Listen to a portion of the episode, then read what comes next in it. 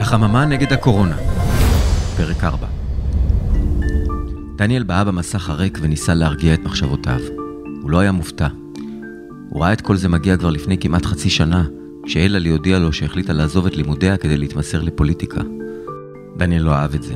הוא שנא פוליטיקאים, אבל בעיקר שנא את העובדה שמי ששכנע את אלעלי לעשות את הצעד הזה, היה לא אחר מאשר יפתח. מיד אחרי שהשתחרר מהצבא, התקבל יפתח לעבודה אצל המיליארדר היהודי-רוסי אלכסנדר גלפנד. גלפנד התעשר מאוד בשנות ה-90, כשהקים את חברת האינטרנט הגדולה ברוסיה, ומאז קנה ומכר עוד מאות חברות. המיליארדר שבילה הרבה מזמנו בישראל, חיבב את הבחור הצעיר ומלא הביטחון, והפך את יפתח לעוזרו האישי. יפתח טס ברחבי העולם במטוס הפרטי של מעסיקו, הסתובב בחליפות בין עשירי העולם, והרוויח משכורת שדניאל, לוחם הסיירת, יכול היה רק לחלום עליה. גלפנד אהב להשקיע בפוליטיקאים צעירים.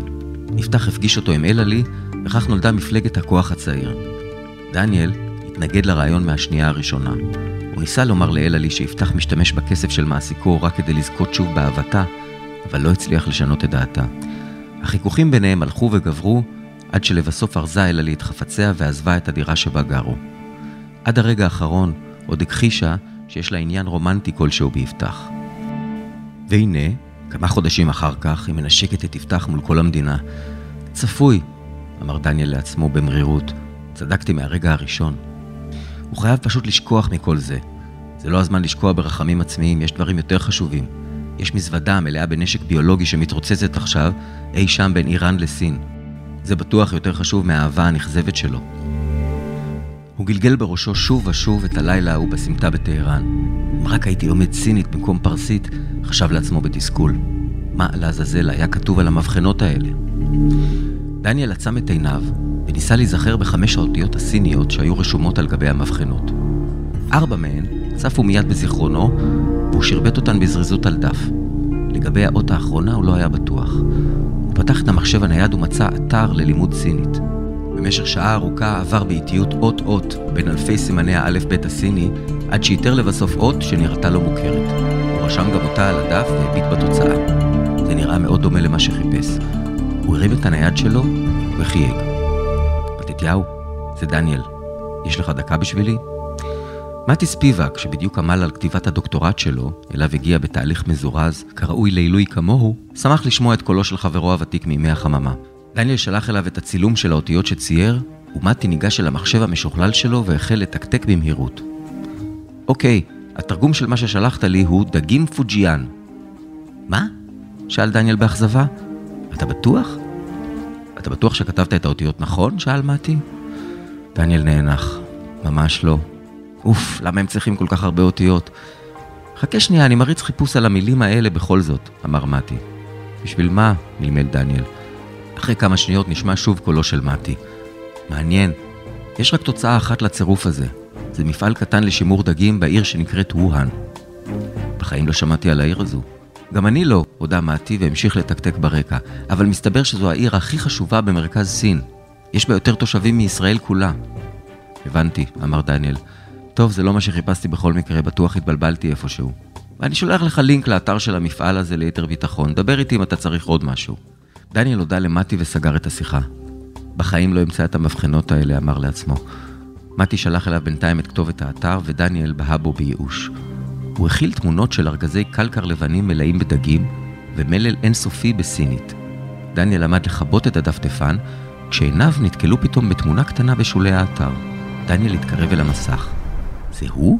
לא יכול להיות, אמר לעצמו. בתמונה נראה סיני קשיש, לוחץ יד למישהו שדניאל הכיר היטב. זה היה אלכסנדר גלפנד.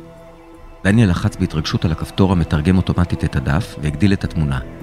אדון גלפנד, הבעלים החדשים של מפעל הדגים פוג'יאן, היה רשום בתחתיתה. דניאל החוויר. הוא מיהר לעשות חיפוש גוגל על גלפנד. אתר אחד פירט את רשימת עשרות החברות שבבעלותו. כולן היו חברות ענק המגלגלות מיליוני דולרים בשנה. למה שהגלפנד הזה יקנה מפעל קטן לשימור דגים בסין?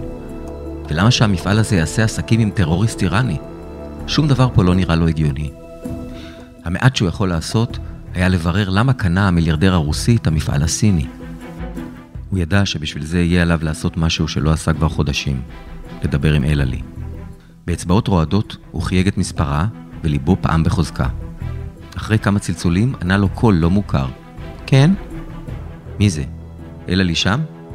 היא עסוקה כרגע, אני העוזרת האישית שלה. אני יכולה לרשום הודעה? תמסרי לה שדניאל חיפש אותה. מה השם משפחה? דניאל נאנח. דניאל שהיה החבר שלה חמש שנים וחצי, זה השם משפחה. שתיקה השתררה מעברו השני של הקו. דניאל שמע ברקע מוזיקת ג'אז עליזה ושקשוקי כוסות. מה זה הרעש הזה? שאל דניאל. קוקטייל התרמה חגיגי לתחילת הקמפיין, אני אמסור לה בשנייה שהיא תתפנה. העוזרת עמדה לנתק. שנייה, עצר אותה דניאל. איפה הקוקטייל הזה? הוא למוזמנים בלבד. איפה זה? התעקש דניאל. העוזרת היססה כמה שניות, ואז השיבה בלחש, בהיכל התרבות. דניאל קם ממקומו, שם על עצמו מעיל, ויצא מהבית. העיר ווהאן, מחוז הובה, מרכז סין, 27 בנובמבר 2019, 3 ו-40 לפנות בוקר.